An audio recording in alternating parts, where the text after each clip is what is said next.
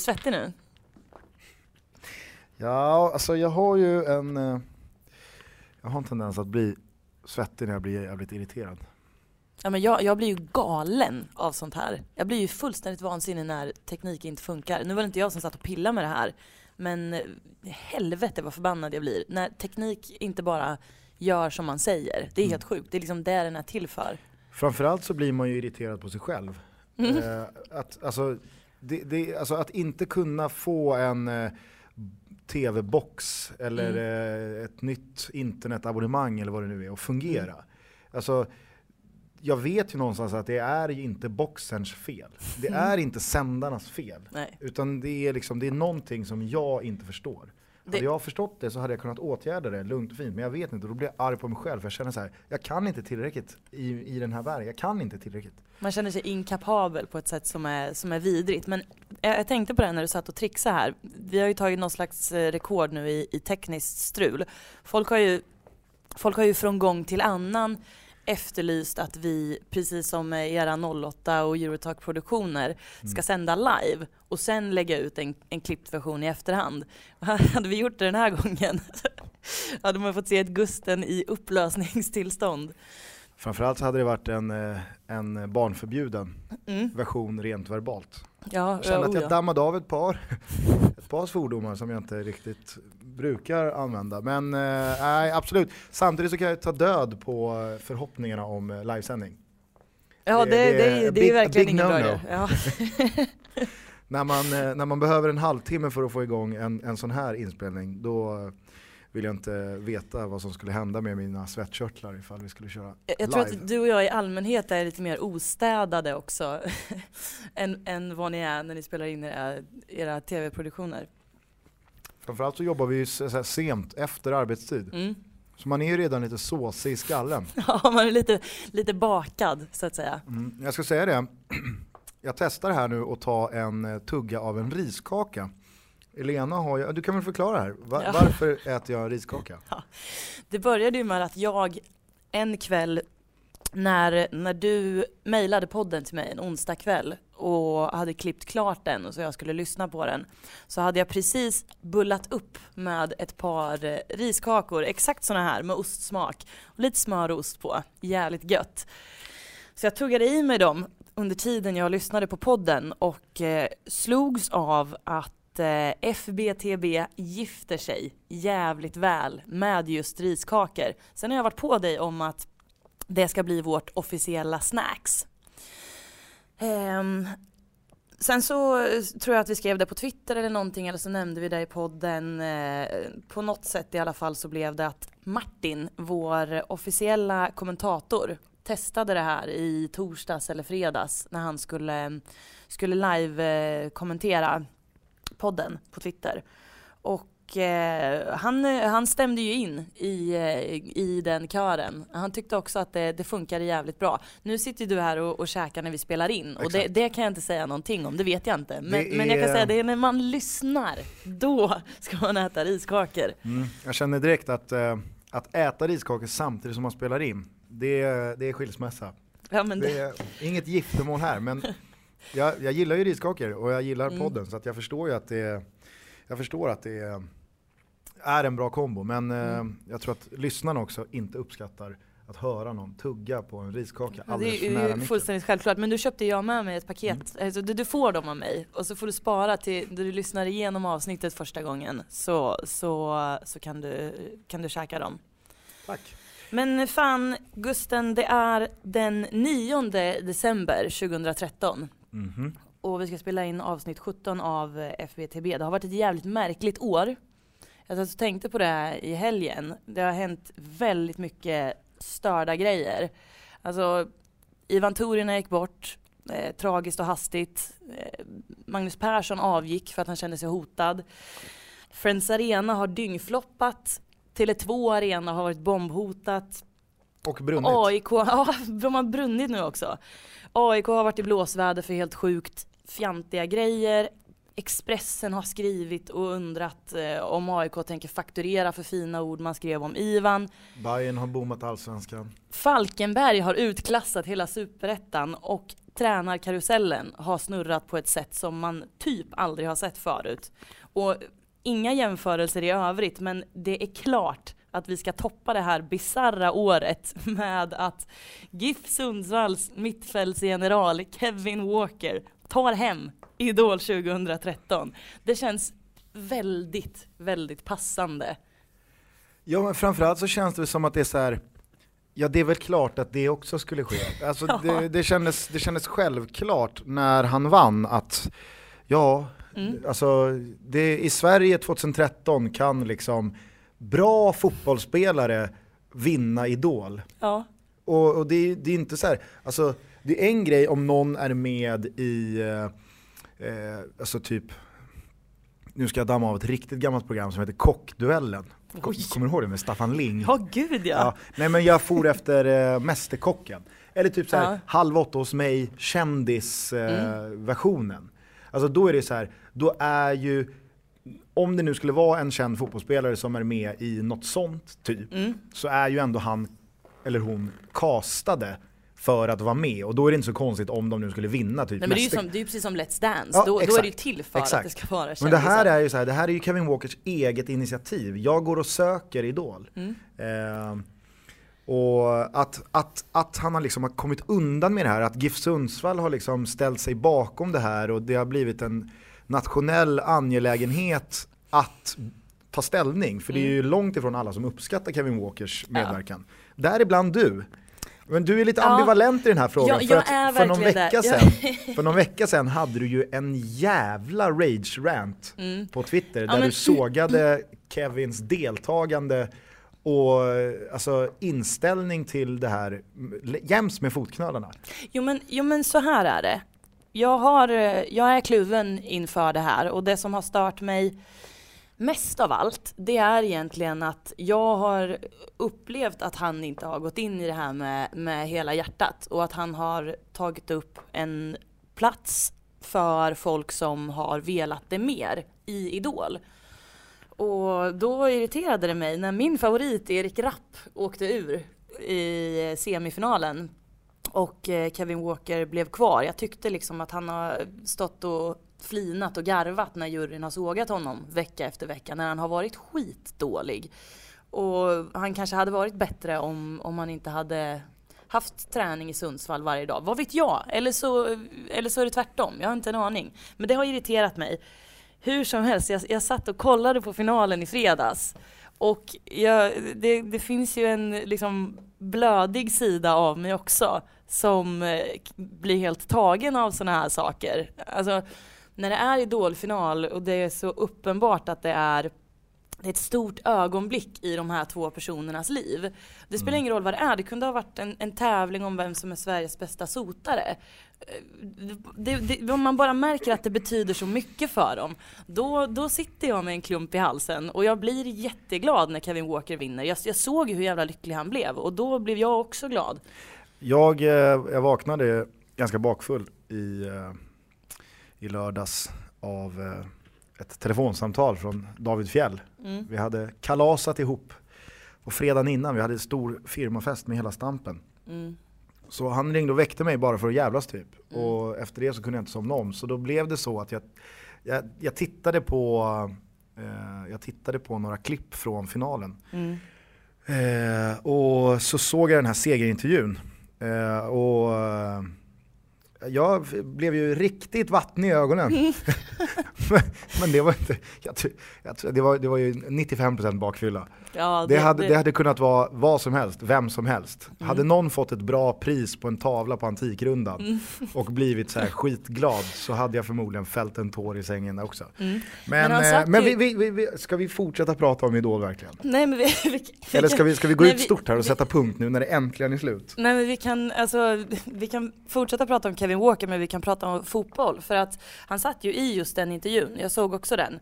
Så fick han ju den här frågan som han har fått 500 gånger under hösten att liksom, vad, vad ska du göra nu med fotbollen då? Och han säger liksom, han fortsätter och är superkonsekvent i det. Att nej men jag ska inte välja. Jag ska fortsätta spela fotboll. Och hur fan det ska gå till. Hur han ska kunna ha fysträning på försäsongen i Sundsvall och sjunga på ett köpcentrum i Skåne samma dag. Det förstår inte jag hur han tänker, tänker, eh, tänker lyckas med. Jag försökte, dumdristigt nog, försökte jag få tag på Kevin idag. Eh, det var lite svårt kan jag säga. Det, det, brukar vara, det brukar vara ganska lätt att få tag på fotbollsspelare. Det är liksom bara att ringa och, eller skicka ett sms så, så är det inga problem. Men han, han verkar ha lite att stå i. Jag känner så här, eh, jag tror att det finns de som har eh, ledsnat lite på vårat eh, idolprat under de här... Tror jag säkert, men det här är ju relevant. Han har ju för fan vunnit Idol, det är helt sjukt. Ja. Fattar ni inte det? Jag, jag, skulle i alla fall, jag skulle, jag skulle väggspela det, den här eventuella kritiken med den bitvis påtagliga kritiken vi har fått senaste tiden mm. eh, om att det är för mycket Degerfors. Mm. Och alltså, vi är ju inte lika goda kolsupare i fallet Degerfors. Om vi nu ska se att prata om Degerfors som något dåligt. Utan det är ju det är väldigt mycket du som mm. bidrar med liksom Degerfors-segmenten till det här mm. bordet. Eh, du, bör, du lär ju ha noterat de här hintarna också. Ja, det är ju inga hintar, det är ju det är supertydligt. Nu, nu är det för mycket Degerfors. ja, alltså ska vi, ska, vi, ska vi hälsa de här någonting eller ska vi, ska vi liksom Nej men alltså, nu den senaste tiden har det väl blivit mycket Degerfors eftersom att vi har gjort våra drömälvor. Mm. Och av eh, förklarliga skäl så har jag en annan relation till Degerfors-spelare och det har förekommit några sådana i mina drömälvor. Så att eh, jag, jag, väljer att eh, skylla på det den här gången så får vi se vad jag skyller på nästa gång. Jag tycker inte man behöver skylla på så mycket, det är väl mera så här... sen, sen, så heter ju för fan den här podcasten Från bruket till bögringen. Det, det får man inte glömma, det finns någon slags det finns något slags grundkoncept som går ut på att jag är från Degerfors och du är från Stockholm och allt som finns däremellan ska vi beröra. Mm. Det kanske blir mer Degerfors. Men... men kanske ett litet bruksfilter. Ett tag i alla fall. Du, efter, det, vi, efter vi är klara med den här drömelvan så mm. kanske vi ska sätta dig på en sån här liten idolavstängning som du fick i, i början. Precis, jag ja. tänkte precis på det. Ja, men okej, okay, vi gör så här då. Efter, för jag har ju med en Degerforsare i mitt anfall ja. Eh, i, i vår drömelva. Men, men om, om jag försöker att hålla mig till bara det den här gången och så kör vi tre avsnitt sen får jag inte prata om Degerfors. Ja, absolut. Om det inte händer något helt sjukt. Alltså om det inte händer något helt sjukt. Typ? Typ eh, Kim Källström blir klar för Degerfors. Ah! Så det den den där lilla subtila passningen. Skulle, precis, jag, jag, hade ju tänkt eh, presentera dig idag som eh, mytomanen Gusten Dahlin. Vill du, vill du förklara ditt utspel i förra avsnittet? Ja men så här var det, jag, eh, förra helgen så blev jag varse om via några kompisar som berättade att det på ett Norrköpingsforum har eh, börjat florera lösa rykten om att eh, Kim Källström ska vara klar för, eller muntligt överens med IFK Norrköping. Mm. Eh, detta mest på grund av att det ryktades då om att hans fru har fått ett bra jobb som hon har tackat ja till. Eh, och sen så hade det liksom så underbyggts med några som sa, ah, men vad fan det kanske finns någon logik i det. Mm. Han eh, slipper välja mellan Göteborg och Stockholm, alltså mm. Häcken och Djurgården. Han väljer någonting mittemellan och tror att alla blir nöjda då. Eh, det kanske faktiskt är så att hans fru har fått ett jobb i stan och han vill liksom, eh, ja, det, det, det ska vara på hennes villkor för första gången på, hur, hur länge har de varit tillsammans? 15 år eller något? 10 mm. år? Jag vet inte. Mm. Eh, och dessutom så var det någon som noterade att liksom, eh, IFK Norrköping gjorde sig av med Gunnar Heidar och Kalili i somras. Mm. Fick förmodligen loss lite mm, liksom, löneutrymme i sin budget eh, och liksom, är det någon man spränger en lönebudget för och gör plats för ekonomiskt i ett lag så är det väl en spelare av Kim Källströms dignitet. Mm. Men det var ju liksom, det var bara så här det var bara surr, helt utan någon slags eh, förankring i en enda vettig källa. Men när då Erik Wallin, våran älskade djurgårdare, skulle komma hit och gästa oss eh, och jag vet att du eh, vurmar väldigt hårt för Kim Källström så tänkte jag, ja men perfekt, då kan jag, då kan jag liksom sätta lite griller i ert huvud och jag kan få en grej i avsnittet att bli en liten eh, viral snackis. Mm. Eh, sen så kanske inte det är journalistiskt, etiskt dunderkorrekt. Å andra sidan så har väl den här podcasten aldrig varit Nej, sådär, men, eh, men samtidigt liksom, när du, när du flaggskeppet om... för etik och moral. Eh, och, och alltså du vet, eh, bra jävla spridning. Men om, när vi pratar om spridning, spridning då, då undrar jag om du har hört talas om eh, ett uttryck som lyder truth in advertising?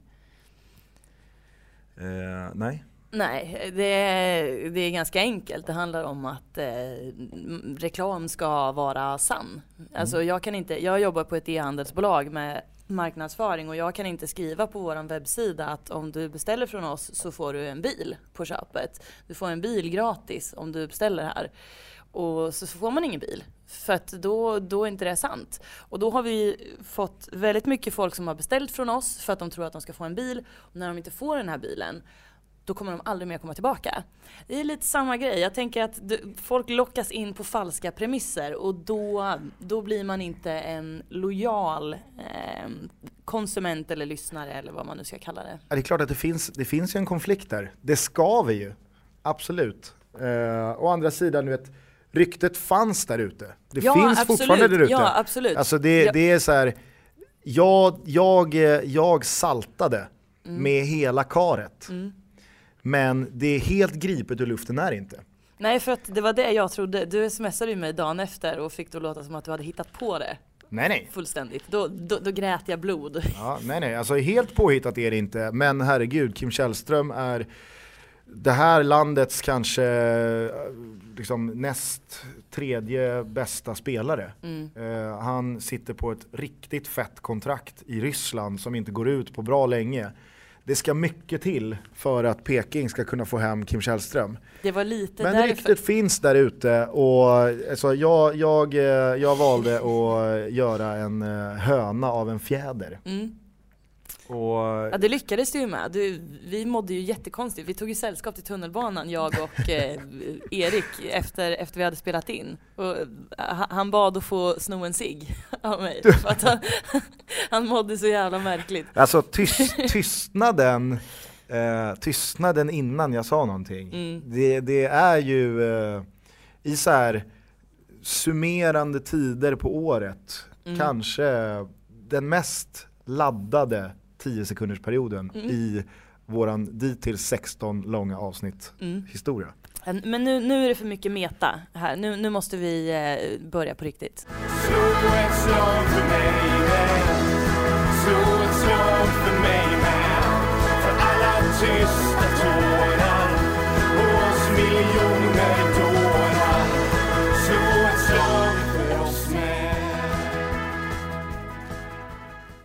Friends Arena, mm. eller nationalarenan, vad man nu föredrar.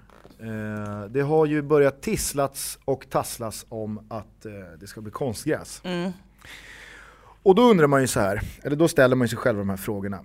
Eh, ska vi verkligen vara ett land vars nationalarena inte ens har naturgräs? Mm. Vad säger AIK? Som eh, alltså eh, alltså, det här är ju ett beslut som tas ovanför deras huvuden. Mm. Och trots att någon kanske tror att man kan byta mellan plast och naturgräs titt som tätt, för man byter ändå alltid gräsmatta på Friends, så är det omöjligt. Mm. Blir det plastgräs på Friends så kommer AIK få spela eh, på, natur, eller på konstgräs också. Och det mm. var ju någonting de var väldigt tydliga med när den här konflikten vart AIK skulle spela mm. för något år sedan när, när den liksom rasade, så var ju, det var ju ett väldigt starkt argument från AIK att vi spelar inte på plastgräs. Eh, men eh, Chi får kanske dem. Mm. Och det är ju, eh, jag tycker det är en, eh, alltså det pratas för lite tycker jag om eh, fördelar och nackdelar. Jag tycker väldigt många är så jävla bara Alltså de är, de, är så, de är så rakt bara nej till plastgräs, mm. för det är fel. Mm.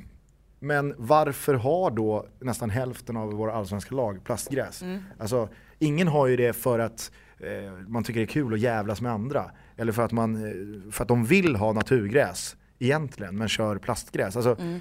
det, det, det, är ju, det är ju ett nödvändigt ont. Mm. Eh, och, och jag, kan, jag kan tycka att alltså folk har ju, folk har ju tagit upp det här att, ja men titta på allsvenska tabellen i år. Topp 5 var väl naturgräs. Mm. Men å andra sidan vann Elfsborg i fjol, som är ett plastgräslag. Så att det, det lägger jag inte speciellt stor vikt vid, utan jag kan, trots mina liksom mot den moderna fotbollen ideal, och mina fotbollsromantiska ideal, någonstans ändå fatta att plastgräs blir mer och mer relevant bland eh, klubbarna när de diskuterar sin framtid. För att det är så många gräsmattor i det här landet som är för dåliga, som ser för jävliga ut. Och där är väl Friends Arena alltså någon slags eh, frontfigur i den här diskussionen. Så att, att det dyker upp, ja jag vet inte, det är inte konstigt. Det, det, det är smärtsamt att vi tar ett sånt tydligt steg in i en modern fotbollsvärld men eh, kanske nödvändigt, jag vet inte. Jag vet inte. Det är ju det är billigare att underhålla en konstgräsmatta också. Ska Mm. ju sägas. Än vad det är att underhålla en naturgräsmatta. Ehm, men eh, grejen är att jag, jag, jag fattar ju liksom. Jag fattar varför det här är en viktig fråga för supportrar. Framförallt för AIK-supportrar och även eh, de resterande Stockholmslagen. Därför att eh, som, som supporter så identifierar man sig ju med klubbmärket och allt klubbmärket står för. Och man har redan fått byta arena, man har fått säga hej då till Råsunda och Söderstadion och Stadion och tappat en bit av sin själ och identitet i det. AIK-supportrarna har dessutom fått tampas med den här jävla diskussionen om vad, liksom, om taket ska vara på eller inte. Och till råga på allt så har ju AIK varit tydliga med att säga att vi har i vårt avtal att vi ska spela på naturgräs. Så att det kommer bli svårt för dem att, eh, att ändra på det och säga att det ska vara konstgräs. Det är ju inte omöjligt, det fattar man ju nu. Men jag tror att det är liksom ännu, ännu en förlust för supportrarna eh, som, som kan kännas jävligt tungt och, och i och med det så, så förstår jag det. Men det, som, det jag tycker är trist också det är ju att om man, om man, kollar, man kollar hur Uefas rekommendationer ser ut så, så säger ju de att alltså, utgångspunkten ska vara naturgräs och om väderförhållandena absolut inte tillåter fine, spela på konstgräs då, men det ska inte vara ruta ett. Alltså, normalläget ska inte vara att spela på konstgräs. Så att det, jag, jag, jag tycker att det är tråkigt på, på, på väldigt många sätt. Ser man till eh, liksom förväntade, eller vad ska man säga, ser man till möjliga resultat och utvecklingar hos framförallt Stockholmsklubbarna, alltså, alltså som, det, det är ju de jag lever närmast och har bäst koll på, alltså då, då ska man komma ihåg att eh, alla BP's ungdomslag, de spelar på konstgräs. Deras A-lag spelar på ett konstgräs. BP är jävligt bra på att få upp eh, egna talanger i eh, sitt lag. Sen så vet jag herregud också att det inte har att göra bara med att de spelar på samma konstgräs som sina ungdomslag. Men jag tror att det finns en faktor där. Eh, AIKs eh, alla ungdomslag håller till på Skytteholm och spelar på de plastmattorna. Eh, Bayerns eh, alla ungdomslag spelar på Kanalplan och på Gubbängen och på Torvalla. Men de ska upp till eh, en eh, naturgräsplan, alltså tidigare har det varit så.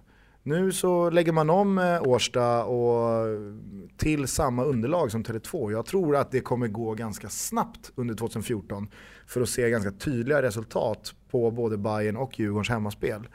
Djurgården var ju väldigt, alltså Djurgården hade ju sin träningsplan på Kaknäs klar i exakt samma material och underlag som eh, på Tele2 väldigt tidigt. Och jag tyckte att, alltså de matcherna jag såg så tyckte jag att Djurgården snabbare kom in i Tele2-underlaget än vad Bayern gjorde det. Kommer att Greg valde att träna på eh, Söderstadion väldigt länge?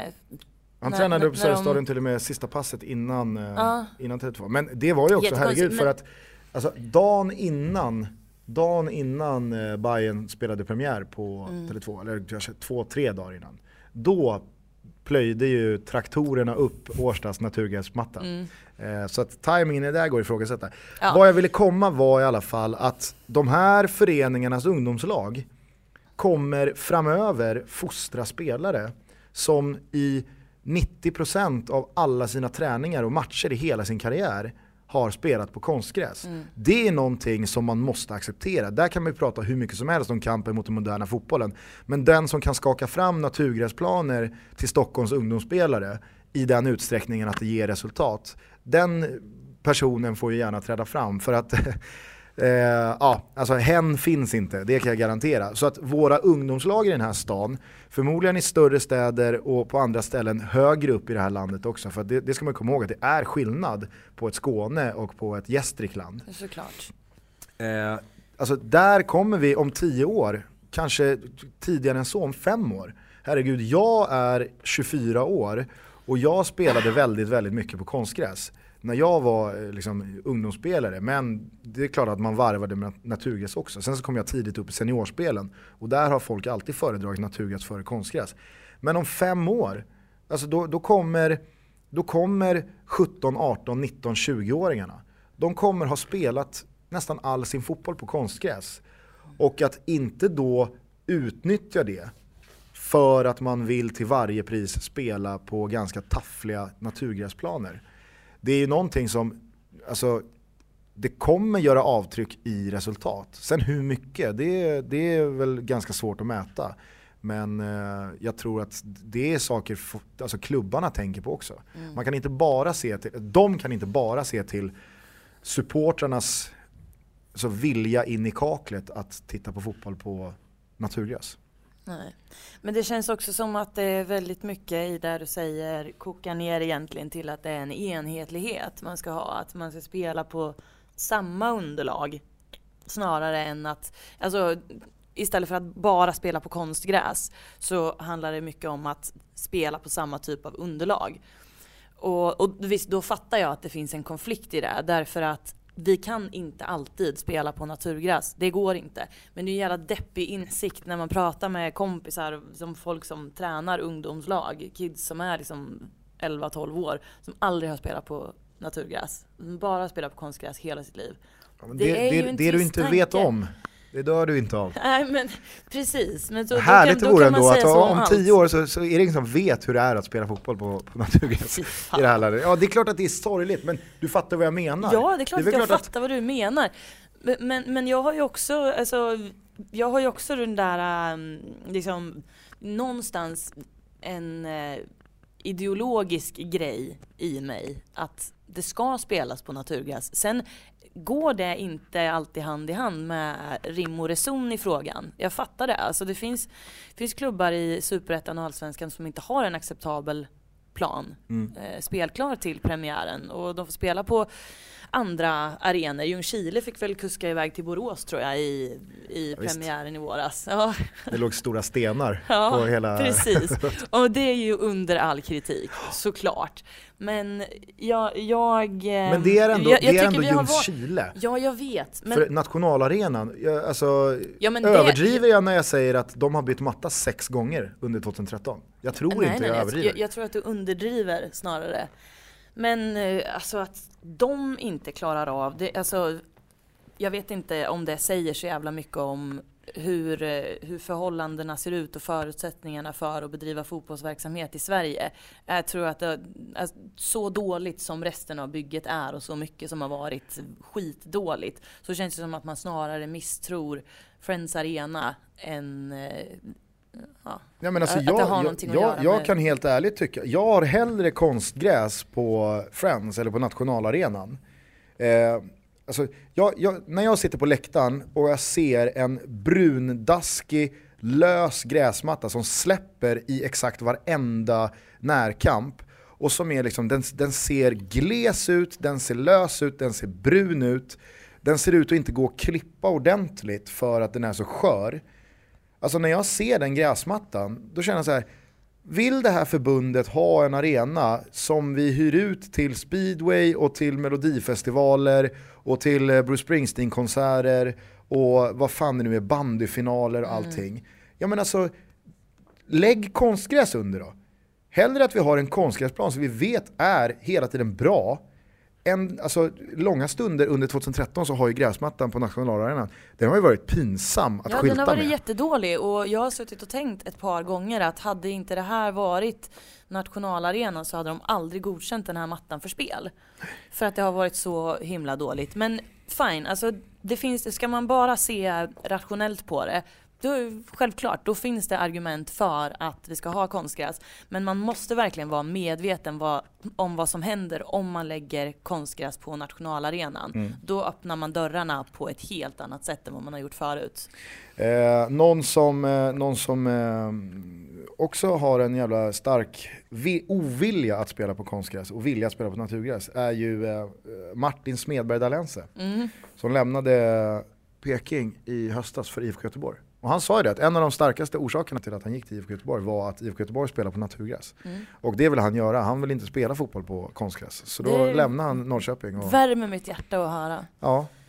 Eh, men eh, det, alltså, jag tror tyvärr, verkligen tyvärr, nu låter det som att liksom, jag är en förespråkare för konstgräs. Det är jag inte, för jag ställer mig bakom allt det där. Jag vet exakt känslan av hur en nyklippt gräsplan doftar eller att se gulnade björklöv ligga vid hörnflaggan i liksom september. Alltså det, det, det är det bästa som finns. Mm. Verkligen.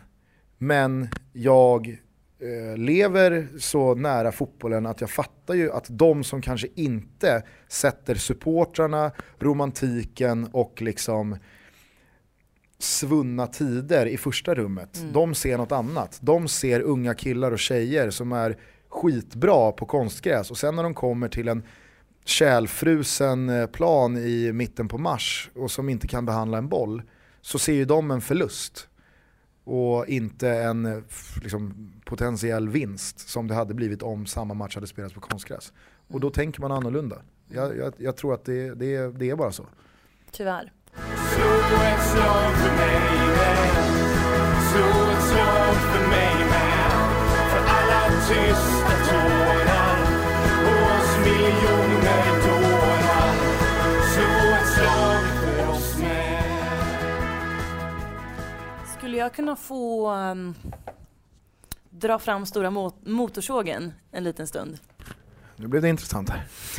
Ja absolut. Ja, men jag tänkte gå en liten rond Slipa mot, eh, mot eh, kakmonstret. Ah. Som, som vi har kallat honom, som du har kallat honom.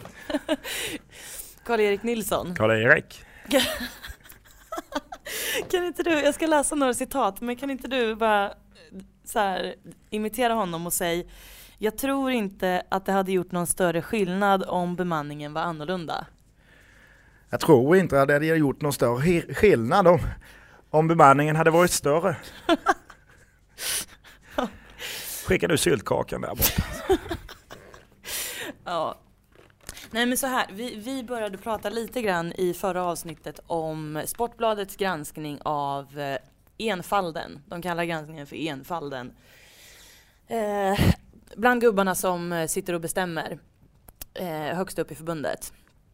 Och eh, jag delade ut en eh, veckans ösk till eh, Lars Norman som eh, är ordförande för eh, distriktet Dalarna, tror jag om jag inte minns helt fel. För att eh, han hade ren SD-retorik i sina resonemang.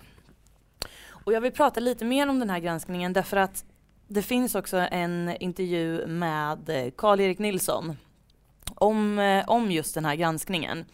Och han säger vissa grejer där som gör att jag bara känner, jag känner hur lite han fattar. Eller hur lite han bryr sig. Jag vet inte vilket av dem det är. Men jag har valt ut tre stycken grejer som han har sagt som eh, provocerar mig extra mycket. Och den första är som du precis, eh, du precis sa här. Jag tror inte att det hade gjort någon större skillnad om bemanningen var annorlunda. Försökte också. Så, nej men jag, jag tänker inte ge mig på Karl-Erik Nilsson. Alltså du gör den för bra. Jag kan bara vara, vara en besvikelse så jag tänker verkligen inte göra det. Aha. Men ehm, han tror inte att det hade gjort någon större skillnad om man hade haft mer mångfald bland eh, de som sitter och bestämmer. Säger han så här också att jag tror inte man ska överdriva vad det betyder. Vi fattar beslut om tävlings, våra tävlingsfrågor och serieindelning det är ju den mötesplatsen där vi beslutar om kommande års tävlingar. Sällan är det några meningsskiljaktigheter. Jag tror inte att det hade gjort någon större skillnad om bemanningen varit annorlunda, men visst finns det ett symbolvärde med många människor med olika bakgrund. Det är andra grejen han säger. Den tredje grejen är han får frågan liksom att vad tror du att folk med invandrarbakgrund tänker när de ser att det är så här det ser ut? Då svarar han, jag tror och hoppas att de tänker förbaskat, det här måste jag engagera mig i så att jag också kan få vara med i miljöerna där besluten fattas, säger han. Om vi då går tillbaka till det här första, att man inte ska överdriva vad det betyder, då börjar man undra om, om han skämtar.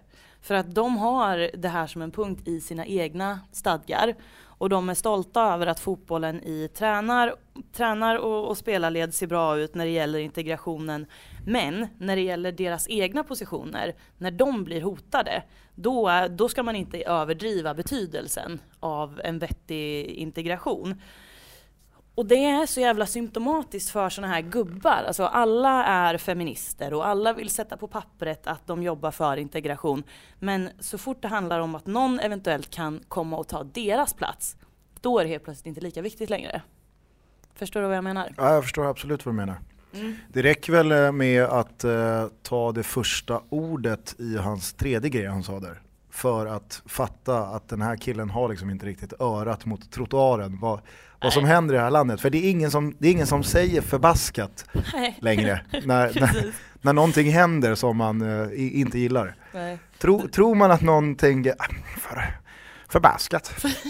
Då är det liksom så här då lever han i en värld som inte är förenlig med liksom, den världen resten av det här fotbollslandet lever i.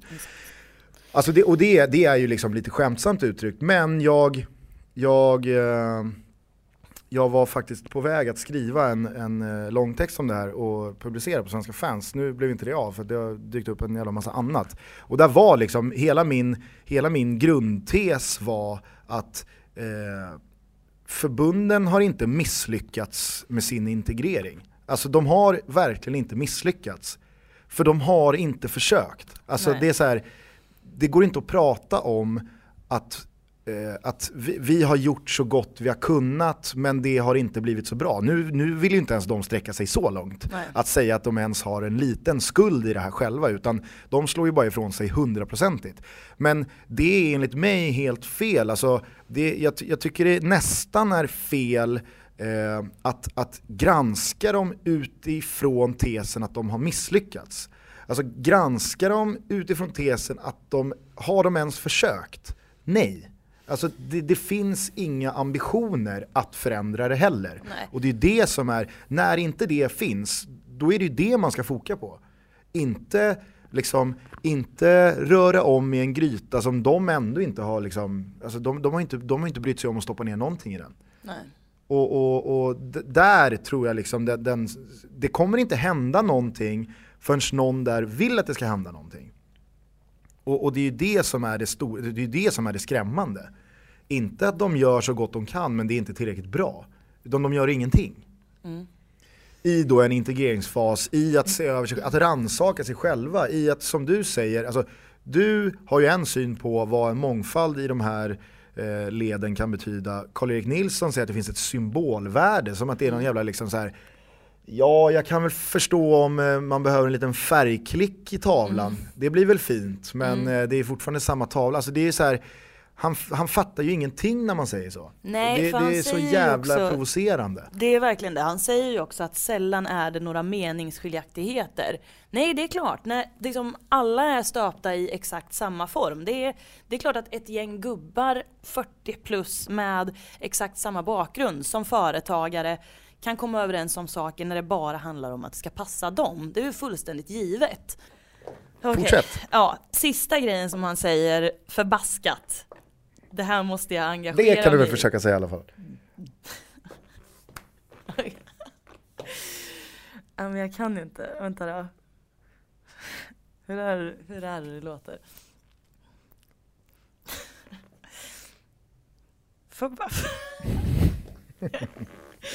Förbaskat! Ja, nej, nej. Man säger inte, det är ingen som säger förbaskad. Man, man, man säger inte att man blir förbaskad. Man, man säger att jag blir jävligt mental. Ja, verkligen. Ja, nej, men det han säger här, det är också väldigt klassiskt. Förbaskat, det här måste jag engagera mig i. Det här måste jag engagera mig i. Och det är precis som du nämnde tidigare, att slå ifrån sig ansvaret på de som ska försöka ta sig in i det här sällskapet. Istället för att se, se om sitt eget hus och vad kan vi göra för att faktiskt öppna upp dörrarna lite grann. Så. Vad, eh, vad, vad tycker du, eh, hur tycker du att de ska agera i den här frågan? Som jag hoppas får en lite längre brintid Mm. än sådana här granskningar. Nu, nu vet jag att sådana här granskningar görs inte varannan vecka. Men Nej. när det är ett större problem, om, om, om man ska uttrycka det alltså, i de otroligt slitna orden, alltså utanför de kritade linjerna. Alltså, det kan vara, handla om det här, det kan handla om mångfald, det kan handla om eh, liksom, rasism på plan, det kan handla om eh, spelarutveckling eller alltså, vad det nu är. Det, alltså, det går att granska större frågor. Varje gång det görs så upplever jag att det får ungefär mellan 10 och 20 dagar eh, av liksom medialt intresse. Och sen så svalnar det och så går man vidare. Kommer det hända även med det här så är det bara ytterligare en granskning i leden som inte ledde till någonting. Och jag hoppas att det här kan liksom få en längre brintid och att det händer någonting. Eh, samtidigt så ser jag ju den liksom, oerhört höga tröskeln som tornar upp sig framför mig för att någonting ska hända. Mm. Alltså det är ju inte så att någon på förbundet har skuttat ur stolen och sagt att shit, det här måste vi fan ta tag i. Ni har rätt, det börjar bli på tiden banne med. Så är det ju inte. Jag blir förbaskad. Men ja, man blir fan förbaskad. Nej men... Jag vill inte ens ha en äh, jävla kaka där, så jävla förbaskad blir jag. Ja, men det, ja, men det vettiga att göra hade ju varit att sätta sätt en ansvarig på att eh, göra en utredning på det här och göra en åtgärdsplan. Men eh, det känns ju inte som att någon är speciellt intresserad av det. Nej, verkligen. Det finns, eh, det finns eh, faktiskt ganska stora anledningar att ro, oroa sig för att alltså, det kan faktiskt bli så att hela den här granskningen bara blåser förbi Mm. och ingenting händer. För att det är så oerhört rotade alltså, saker vi pratar om här. Mm. Att det, att ska, ska man rycka upp de rötterna då får man fan ta i alltså. Samtidigt så är det strukturer och så länge det finns strukturer så finns det något slags jävla hopp.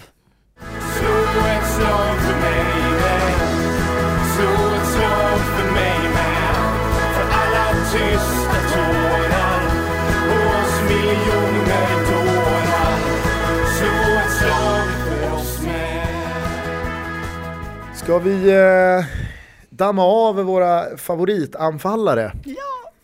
I våra eh, drömälvor. I mitt superraka 4-4-2. Exakt. För de som har missat något av de senaste två avsnitten så var det så att vi eh, fick eh, ett eh, mail med en kille som tyckte att vi borde ta ut våra respektive drömälver av Mm. spel. Eller det var, jag, jag, då drog jag upp riktlinjerna om att det ska vara spelare som man själv har upplevt och det ska vara spelare som har någon slags koppling till svensk fotboll. Mm. Eh, och eh, vi har eh, kommit fram till den sista lagdelen, nämligen eh, anfallsbesättningen. Mm. Jag eh, har valt att spela med en trebackslinje så att jag har ju tre forwards Mm. att presentera. Du spelar som sagt ett knivspark, knivsparkt, ett knivs, knivskarpt, eh, otroligt svenskt 4-4-2. Mm. Eh, men då är jag tre, så då, då kan jag börja då. Du kan börja. Så att vi kan köra varannan. Mm. Eh, och jag, jag vill inte bli så jävla långrandig, i alla fall inte på de två första. Eh, men eh, jag har valt att ta med Igor Sypniewski. Mhm. För den otroligt alltså, karismatiska karriären han bjöd svensk fotboll på. Mm. Alltså, för det första så ska det ju sägas att han var äckligt jävla bra. Mm. Fenomenal jävla anfallare. Och när det gick upp för mig att det här är en snubbe som lever raka motsatsen till liksom kostcirkeln och kolhydratuppladdning och 10 timmars sömn per dygn. Alltså när, jag förstod hur han någonstans levde, alltså det här är ju en forward och en fotbollsspelare och en människa som, alltså jag, jag vill inte veta hälften av de månader han har haft i sitt liv där han har vaknat upp på ställen han inte borde varit. Mm. En krökare av rang. Öppen rökare, det gillar man ju. Jag älskar fotbollsspelare som Ja, röker. och som är öppna med det. Ja, Det är det det handlar om. ja. ja. Det ska inte vara någon jävla liksom, fulsig som någon paparazzi tar på någon när det är på krogen. Eh, utan det ska ju vara någon som alltså, öppet drar fram röda Marlboro-magget efter eh, man har blivit matchens lirare Mm. och, och drar i sig en jävel. Eh, det, det är exakt, jag håller med dig, det, det älskar jag. Eh, men jag tror att eh, återigen så ska Offside få en liten hyllning för de har ett reportage som berör Igor Sypniewski. Eh, där han berättar hur han, eh, han vaknade i, på en soptipp någon morgon. Eh, efter någon rejäl jävla fylla vaknade han på en soptipp och liksom han citat insåg att karriären började ta slut. det var liksom, det var, det var, det var droppen som fick bägaren att rinna över att nej, nu är det nog fan slut. Så att han fejdades ju bara ur svensk fotboll liksom. Mm. Hamnade på någon soptipp i Polen. Mm. Eh, men jag minns honom, han gjorde sånt jävla avtryck på mig. Igor Sypniewski har en given plats i min Mm. drömelva.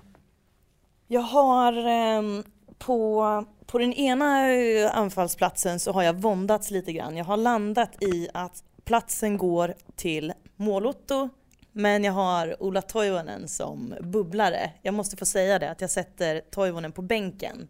Gör jag. För att det är, så här, Toivonen är lite mer stolt över på ett personligt plan eftersom att vi är lika gamla och vi växte upp i Degerfors och gick i högstadiet ihop och sådär. Och han har dessutom gått mycket längre än vad Målotto gjorde. Men i slutändan så vinner Målotto för att han är en av Degerfors meste och största spelare genom tiderna. Och han är en barndomsidol, odödlig förklarad ikon på bruket. Så att han måste vara med. Så är det.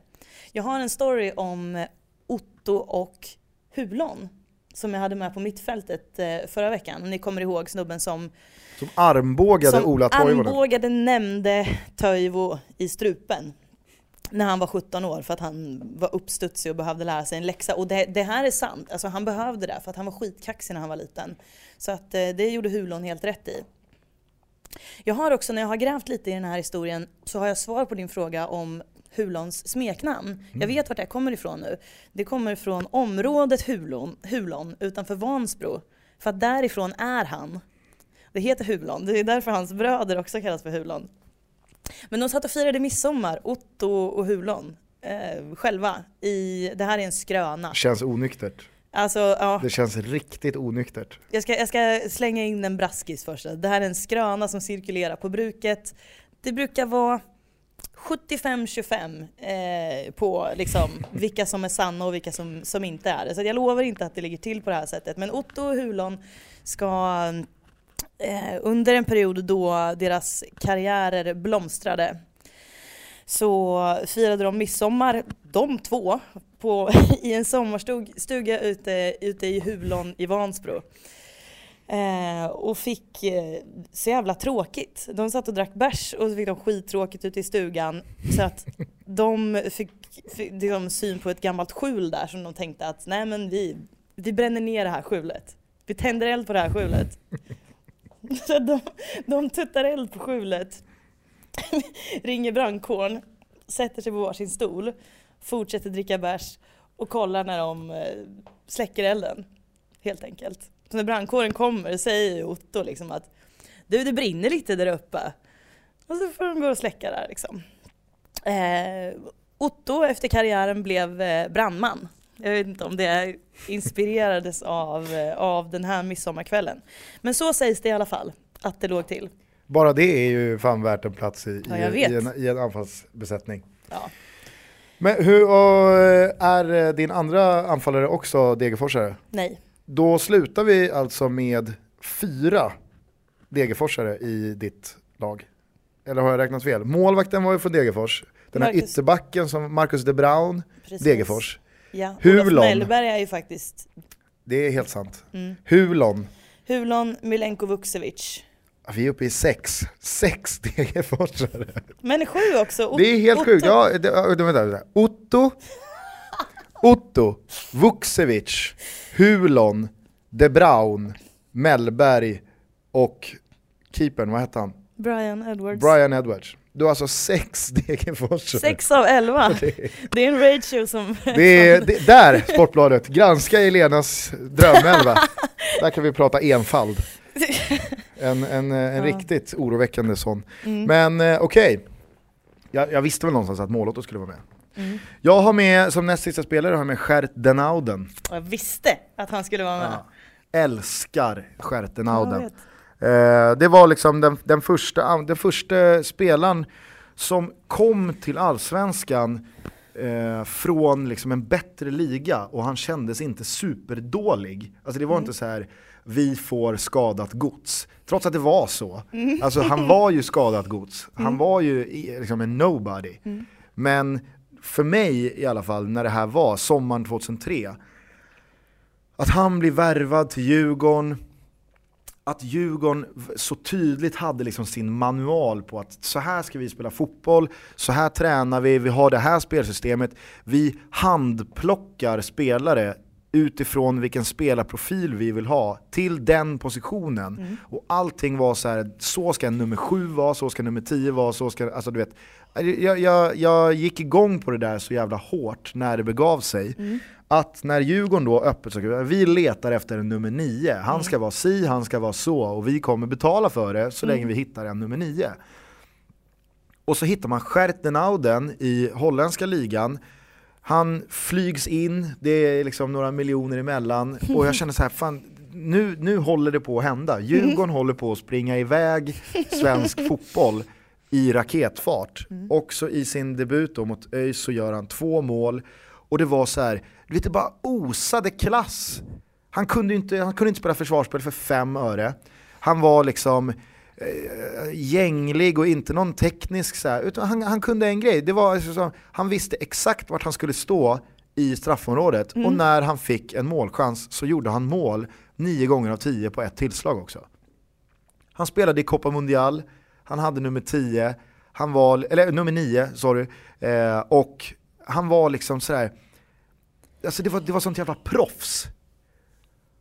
Och sen så ryktesvägen då så ska han ju dessutom ha eh, satt på Soran Lukic dotter, vilket bara så här, alltså jag ska inte säga att det gör någonting positivt med det, men någonting gör det ju. Alltså det skaver och jag gillar när det skaver. Så att Schertenauden är liksom, jag vet inte, jag har alltid älskat Schertenauden. Han är eh, för jävla bra alltså. Eh, synd att inte han kom till svensk fotboll tidigare, för han var ju liksom till åren kommen också. Men eh, jag tror att han, alltså, under 2003, jag tror att han, eh, han spelade 11 matcher och gjorde 10 mål. Liksom. Ett, och det, var, det var inte så här, han gjorde aldrig, om Djurgården vann med 4-1 så gjorde han inte 4-1 målet. Utan han gjorde alltid 1-0. Och han gjorde typ aldrig mer än ett mål per match. Så att Schertenauden minns jag med värme och det, han tar en given plats i min drömelva. Bra Stjärt! Ja. När vi började med det här, det första, första avsnittet när vi tog ut målvakt och backlinje, då sa du till mig så här, ganska exakt så här sa du, att jag känner när Marcus de Bruyne tar plats i din drömelva att vi inte kommer ha några dubbletter. Sa du så nu för att jag sa fel eller sa du precis fel på hans namn? Nej, jag tror att du sa fel. För nu sa ju du precis Marcus de Bruyne. De Bruyne, ja. Ja. Men han heter Marcus de Brown. Ja jag vet, Det- men det- det du tål att sägas fler Och då undrade jag, Ja. imiterade du, alltså Jaha, citerade nej. du mig där eller sa du fel? Nej, jag citerade dig. Okej. Jag tror att du sa så. Jag tror det. Ja nej jag ville bara kolla, för du var ju väldigt styv i korken över att du minsann visste hur det uttalades. Det är så. Ja, ja det, är väl, det, är väl, det är väl en, en ganska märklig sak att skryta om. Jag vet hur en ytterback i Degerfors men- namn uttalas. Du, det är så uppenbart ibland att du inte är från Degerfors Gusten. Ja. Nej, om det är the talk of the town liksom så... Han är prästens son. Vänta nu. Sa jag inte det? Nej fan, vi ska inte prata Degerfors mer än vad vi behöver. Jag måste, fan, Okej, jag måste, lägga, jag måste sätta helst, en Degerfors-avstängning på mig själv, Ja. känner jag. Jag vill, veta, jag vill veta mer om Marcus de Browns pappa. Du, ja, men du vill, du, ja, okej vi släpper det. Ja. Yes. Jag tror att det här eventuellt kan vara, alltså nu när vi når crescendot så kan det vara så att, eh, att eh, det dyker upp en dubblett. Mhm, mhm, mhm. Men om du låter förvånad nu så är det nog inte så. Men min andra anfallare är Zlatan. Mm. Ser du så lurig ut? Har du med Zlatan? Ja det är klart att jag har med Zlatan. Ja, exakt. Det är, jag tror, hade jag gjort Det är den här... typ den enda bra spelaren i mitt lag. Ja. Alla andra är såhär, nej men han Ja, rökte ju för fan, det är skitkul. Exakt. Ja, nej men jag tror, om, om jag hade gjort den här drömelvan om 60 år, när jag ligger på dödsbädden, då, då hade han varit med ändå. För att jag tror inte jag kommer få se en större svensk fotbollsspelare under min livstid. Det, ja, jag hoppas verkligen, på ett sätt så hoppas jag han kommer tillbaka till allsvenskan och gör det tillräckligt snart för att kunna göra ett par år i typ Malmö. Men på ett annat sätt så hoppas jag att han ska orka spela på den nivån han är nu så jävla länge. Så att han är helt slut när han kommer hem och bara vill lägga av. Man unnar ju verkligen honom det. Man, man, man vill ju liksom inte att det här ska, ska ta slut. Men jag hoppas han kommer tillbaka på något sätt. Och jag, jag hoppas eh, han framförallt kommer jobba med eh, ungdomar. Alltså jag, jag vill att han ska få alla hedersuppdrag som finns men eh, framförallt kanske ungdomar som, som växte upp precis som han själv gjorde och inte hade så jävla bra förutsättningar för att lyckas med fotbollen. Alltså som kanske inte har skjuts till träningen tre gånger i veckan. Liksom. Det är inte alla som har det. Um, nej, jag hyser en sån enorm respekt för den där mannen och han är förmodligen eh, de sex Degerfors-spelarna till trots så är han förmodligen den enskilt eh, mest givna spelaren i den här drömelvan. Eh, om det är någon som vill eh, placera ett litet eh, bett så kan man få 100 gånger pengarna hos mig på fbtbpodd.gmail.com att eh, Zlatan spelar allsvensk fotboll igen. Det, det kan jag säga så här, det, det utesluter jag att han gör. Så att är det någon som vill eh, förlora lite pengar så eh, hör av er på mail så, ska- så ska jag ge er ett kontonummer. Ni, ni får 100 gånger pengarna på det. Det, det, det är givet. Eh, men, eh, kul att du är inne på liksom, vad han ska göra vad han ska göra efter karriären. För det har jag ofta använt som ett argument på precis hur stor och viktig han är för Mm. svensk fotboll. För jag har aldrig, det är väl klart att man säger med typ Henke Larsson eller eh, Patrik Andersson eller eh, Fredrik Ljungberg eller vilka det nu är undrat lite så här, ja men undra vad, undra vad de gör efter karriären, om någon kommer bli tv-expert eller om någon blir tränare eller någon blir scout eller vad det nu är så här. Men det har, ju, det har ju bara varit så här, det har ju varit någon tanke som har slagit en här och där. Zlatan, jag, alltså, jag, jag skulle kalla mig fixerad nästan vid tanken om vad han ska göra när han slutar. För det är verkligen så här, vad kommer han göra när han slutar spela fotboll? Jag Har, tror, har, han, alltså, har han ett, eh, ett, ett eh, jobberbjudande på fan-tv? Om han vill? eh, ja, det är, men alltså, Du, du funderar ändå lite. Nej men jag- jag funderar för att jag tror, alltså på riktigt att Zlatan, han kommer inte hålla på med fotboll överhuvudtaget. Det tror jag inte. Nej. Det, jag får inte den känslan, jag får känslan av att, jag det var väl något år sedan eller två när han satt på någon presskonferens och sa att när jag lägger av då ska jag sitta på en bänk och röka liksom. Mm. Och bara må bra. Och jag tror att han är sån. Jag tror att han är liksom så här. när jag är klar, då, alltså, då skiter jag i det här. Jag tror att Zlatan har så många fyller innestående i sig. Som han, alltså du vet, inte liksom, inte målotto och eh, hulon-fyller där man eldar ner något skjul. Men jag tror att han liksom så här, jag tror att han aktivt har eh, valt bort en livsstil som han egentligen vill leva. Till förmån för sin fotbollskarriär. Och herregud, det har ju betalat sig.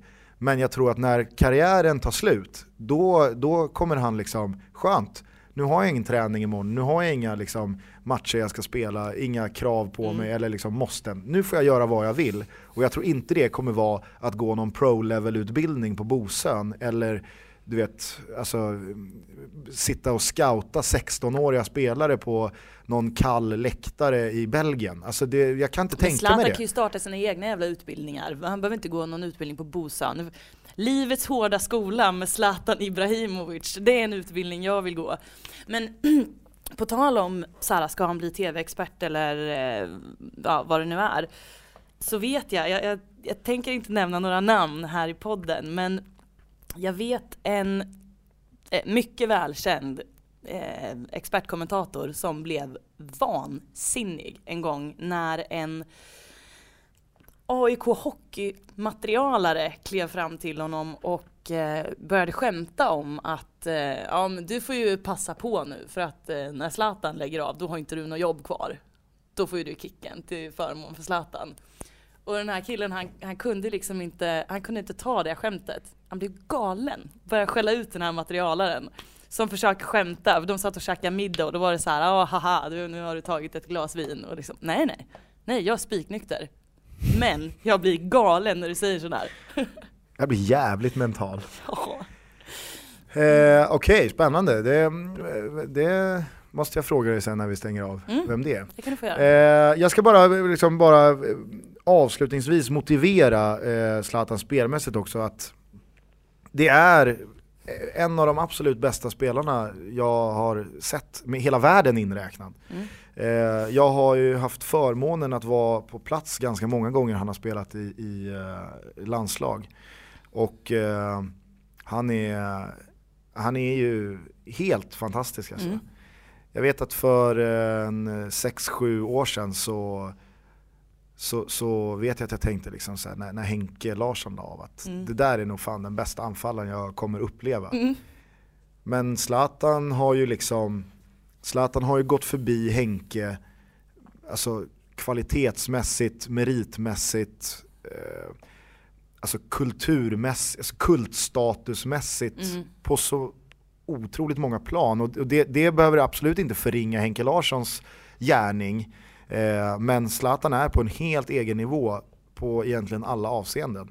Att eh, han är liksom, nej det, är- det är absolut största fotbollsspelare som har spelat i det här landet. Mm. Någonsin. Förmodligen så, så kommer det vara så. Jag älskar det han säger liksom när han fortsättningsvis prenumererar på Guldbollen, att han liksom säger så här, men jag vill vinna nästa år igen. Mm. För jag vill göra det så jävla svårt. Om någon nu har tänkt att slå mig i historieböckerna Mm. I liksom hur många hundra år som helst framöver, då ska det, det, ska, det ska vara svårt alltså. Mm. Eh, och det är ju, alltså, jag blir taggad. Han får fan veckans Lundén här, spontant! Spontant får han veckans Lundén. Zlatan, grattis! Åh, jag önskar ni hade sett Gustens ansiktsuttryck när han kom på det där. Det blixtrade till i ögonen. Ja. Fan det där, åh, vilket Kodak-ögonblick. Åh, Ja, nej, veckans Lundén går till Zlatan. Han har fan binden i mitt lag också. Jag blir helt, jag blir helt varm i kroppen när jag pratar om den där spelaren alltså. mm. Han är grym, och jag hatade honom! Jag hatade honom så jävla mycket när han bojkottade landslaget, när Lagerbäck kickade ut honom. Jag hade sån respekt för Lasse Lagerbäck när han valde att skicka hem Zlatan, Mellberg och Chippen. Alltså, jag, jag, jag, jag tror jag aldrig har hyst så mycket respekt för en person inom fotbollen som jag gjorde för Lars Lagerbäck där och då och i typ de efterföljande månaderna. När Zlatan då valde att bojkotta landslaget och Lagerbäck inte liksom gav efter. Nej, ja, men skit i det då. Alltså, liksom, det är mina regler som gäller. Och jag skiter i att du är Zlatan Ibrahimovic. Och herregud, det här är alltså 2005? 2005, vem var Zlatan då jämfört med vem Zlatan är 2013? Alltså, det, det är liksom så här. Äh, jag... Fan, nu vill jag nästan ge Lundén till Lagerbäck. Nej men jag minns, jag hatade, jag hatade verkligen Zlatan instinktivt under en period där. För att jag tyckte han var så jävla omogen, dum, ignorant och liksom, ja men rent ut sagt, eh, alltså divig och en spelare som jag inte ville ha i ett landslag. Eh, sen så är ju liksom det vatten under bron och de, han försonades ju med Lagerbäck och de hittade väl någon lösning. Och kanske var det så att Lagerbäck kröp till korset och det aldrig har nått liksom, dagens ljus. Eller så var det tvärtom, att Zlatan verkligen, verkligen ville vara med och han visste att om inte jag är den som ber om ursäkt på riktigt så kommer inte jag spela i landslaget igen så länge Lasse Lagerbäck sitter och det vill han inte. Nej. Vem vet? Det löste sig och så länge, jag, jag har svårt att tro att Lasse Lagerbäck tog tillbaka Zlatan utan att han själv kände att det här är jag personligt nöjd med. Mm. Eh, så som det har blivit. Och då får man väl någonstans ge det till att de löste det och då, då kan inte jag vara sned på Zlatan heller längre känner jag, för jag vill ju tycka om honom. Men där och då så var mitt hat distinkt. Jag tror fan att jag bara fascinerades av det där då. Jag hatar ju sådana där jävla beteenden. Jag, jag tycker det är en riktigt, riktigt jävla skitgrej att hålla på med.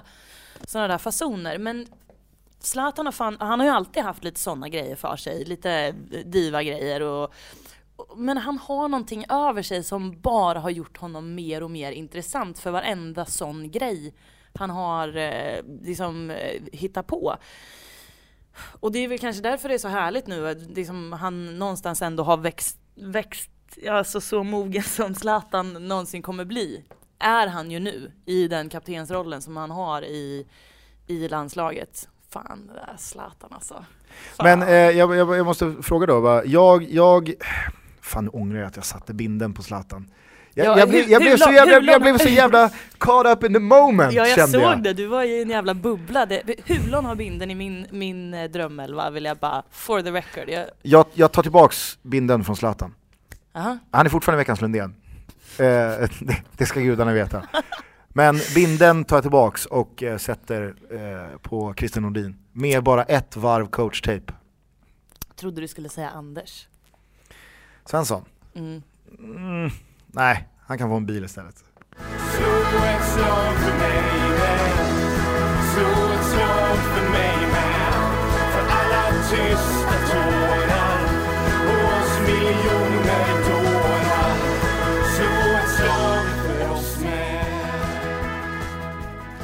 måste jag få utse veckans öskåre, sen börjar det väl dra ihop sig va, tror jag. Oh ja. Ja. Veckans öskåre, jag, jag såg igår eller idag eller när det nu var så såg jag att eh, för, förbundet hade haft nå, något slags sammanträde med de säkerhetsansvariga för de olika klubbarna i Allsvenskan och Superettan. Och eh, på den konferensen, eller vad det nu var, så har de delat ut ett pris för, till årets matcharrangör. Utifrån säkerhe- säkerhetssynpunkt. Förbundet har alltså gjort det. Förbundet har gjort det här. Mm. Gav de det till sig själva för Svenska cupen? Ja, precis. nej, nej, de gav det faktiskt till Östersunds FK. Jaha. För att de, eh, ja, men de har jobbat bäst med säkerheten, tyckte de. Och då är det liksom matchdelegater som har suttit på varje match och noterat grejer på något vis. Eh, så att allt man har gjort räknas och så i, sett över en hel säsong så har väl Östersund varit bäst då. Och det här, det ska inte, ingen skugga ska ju falla över Östersund i det här. För att de, de, de var bara gulliga. De hade på sin hemsida så hade de en kommentar från sin säkerhetschef. Och då hade han sagt att jag är jävligt glad och stolt. Och dels så har de skrivit ordet jävligt i en officiell text. Och sen var liksom ordet glad och ordet stolt, vad hade de skrivit med versaler? Han var jävligt glad och stolt över det här priset. Så det var ju bara sött och de kan ju inte rå för att de, det inte finns så jävla mycket att jobba med säkerhetsmässigt. Men veckans öskåre går till förbundet därför att det måste fan bli slut på det här hyllandet av småklubbar som klarar av att hantera ett väldigt, väldigt litet evenemang sett till, om du jämför med Stockholmsklubbarna eller IFK Göteborg eller Malmö eller vad fan det nu är. Samtidigt som de här fair play-platserna eh, till, eh, alltså Europaplatserna, går till Gävle och BP för att deras publik har uppfört sig. De har ju för Ah. fan ingen publik, De- fast det, det räknas ju in. Det räknas ju in att publiken Jo sköter men sig. eh, det är ganska många som har missat det där, så Fair Play eh, Fair Play-priset gick i år till BP, Jag sa ju det. ja, men de hade både Göteborg och Malmö före sig i den tabellen. Men i och med att Göteborg och Malmö på sportsliga grunder säkrade Europaplatser ändå, så gick priset till BP. Jag tycker, jag tycker kontentan är densamma. Det platsen går till BP. Men samtidigt då som man bara straffar och straffar och straffar storklubbarna som gör ett jävla hästjobb. Det det är ett helt annat jobb att utföra när du har så mycket folk på plats. Jag blir otroligt provocerad. Det är jättekul för Östersund. Jag tänker bara på den här, på den här mannen i Östersund. helvete. Hur ser hans arbetsdag ut vid match? Det är så här, jag slår på kaffet vid två och så, så börjar folket komma vid, vid, vid tre Mm. och sen så kickar vi igång vid fyra. Ja, och 90 minuter senare så är det klart. så är det slut. Nej, men det är bara så här, Så bär jag in hörnflaggorna liksom. Jag tror alla fattar det här, men, men det är ungefär som att jämföra liksom, min eh, lillebrorsa hade en eh, klubb förut på Skånegatan i en sån här liten lokal, eh, typisk söderkällare där de hade unplugged eh, musik. Folk som spelade live. Och det var en sån här liten, eh, liten, liten eh, bar. De hade kanske 50 besökare en normal kväll. Det är som att han skulle få ett pris för att du, jävlar vad lugnt det är på dina arrangemang. Du du har så jävla bra säkerhet. Så att du får ett pris här. Men de som arrangerar liksom Iron Maiden eller Bruce Springsteen på Friends Arena, de får ingenting. För där var det fan i mig lite stökigt alltså. Typ samma grej. Och det, det gör mig det gör mig irriterad. Det är inte Östersunds fel. Det är förbundet som, som får veckans ösk För de måste fan skärpa till sig. De där principerna är så jävla upp och ner. Eh, jag vet att det här inte är förbundets första Veckans de Men de jag är osäker en- på om de har nu fått sin andra eller sin tredje och då, eh, då, är, vi, då är det helt plötsligt ett trehästars race mellan mig, Örebro SK Mm. och förbundet i sådana fall. Kanske är det någon där ute av er som har bättre koll på den här tabellen Mm. och kan eh, mejla in ställningen eller twittra till oss. Hur, vad- vad gör man då? Då mejlar man oss på fbtbpodd at gmail.com och det är podd med ett D. Exakt. Eller så kan man skriva eh, vad som helst, vad man känner för, under hashtaggen FBTB på Twitter. Ehm, det här var det 17 avsnittet av Från bruket till bögringen. Med mig Gusten Dahlin och med den eminenta Elena Lövholm som sitter tillbakalutad här i en svart 08 fotboll-fåtölj i fan-tv-studion. Nästa vecka, Så har vi eventuellt en gäst va? nej, är det... det är bestämt. Det är bestämt, Ja. vad kul. Vi, vi kan väl hålla lite på vem det är, men eh, jag är jätteglad att eh, den personen kommer hit. Mm. Ska vi dessutom berätta vem du har eh, börjat nej, arbeta gör på? det. Gör inte det, för att det, det, är, alltså, det är en jävligt udda, udda och eh, oväntad gäst. Och du var skeptisk till Ja. det, men du har gett mig grönt ljus att börja jaga hem. Eh, och det har jag också gjort. Jag har börjat jaga och ehm, jag återkommer. Spännande. Mm. Eh, när ni hör det här så är det eh, tidigast torsdag och då vill jag som redaktör på Fan-TV passa på att eh, puffa för en uppesittarkväll som vi ska ha med 08 Fotboll på tisdag den 17 alltså. Då kommer vi eh, tillsammans med eh, alla de eh, fasta panelmedlemmarna i programmet och Björn titta igenom ett best off-program av säsongen som varit. Samtidigt som vi dricker lite glögg och så kör vi en livesändning så stannar vi eh, efter 4-5 minuter här och där i eh, best off-programmet och eh, pratar igenom alla godbitar som hände under året. Är du medveten om att ni har uppesittarkväll exakt samma kväll som Bara Bajen har det på Mest bar och kök på Söder? Yes, det, det är jag men Det är de eller ni? Så är det och eh, när sådana här beslut tas då, alltså, det är som att stoppa ner två tuppar i en, eh, i en ring. Det, det, då är det liksom ingen återvändo, det är bara att hoppas på att eh, de, de, de flesta väljer oss. Jag förstår. Så att, eh, titta Eh, på Ska ni, det. ska, det, ska ni spela in det här eller? Ja, det blir som ett 08 fotboll fast vi kommer skifta mellan en livesändning där eh, Bayern Jompa har tomteluva och dricker glögg. Eh, och, eh, liksom, så, så, och sen så kollar vi på det best of-programmet som jag har suttit och klippt ihop senaste veckorna. Så det blir skitkul, fantv.se eller svenskafans.com. Eh, ni väljer, 20.00 ska vi köra igång på tisdag kväll. Så att, eh, kolla på det.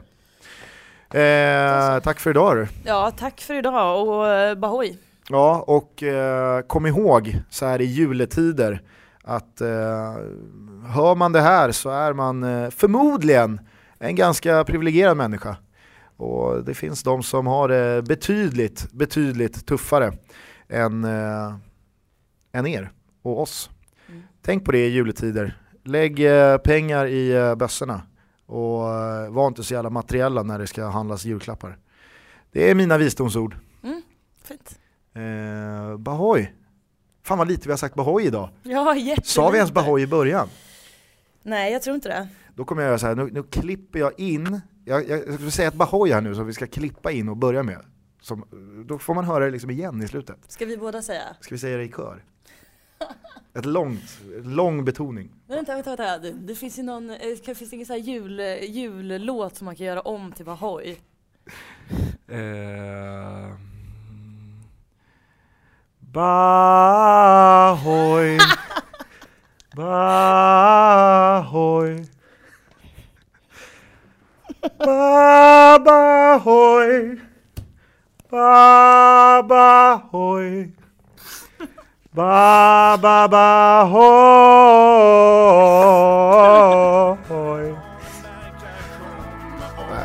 Hej, hej då. Dagen som Hej då. Hej då.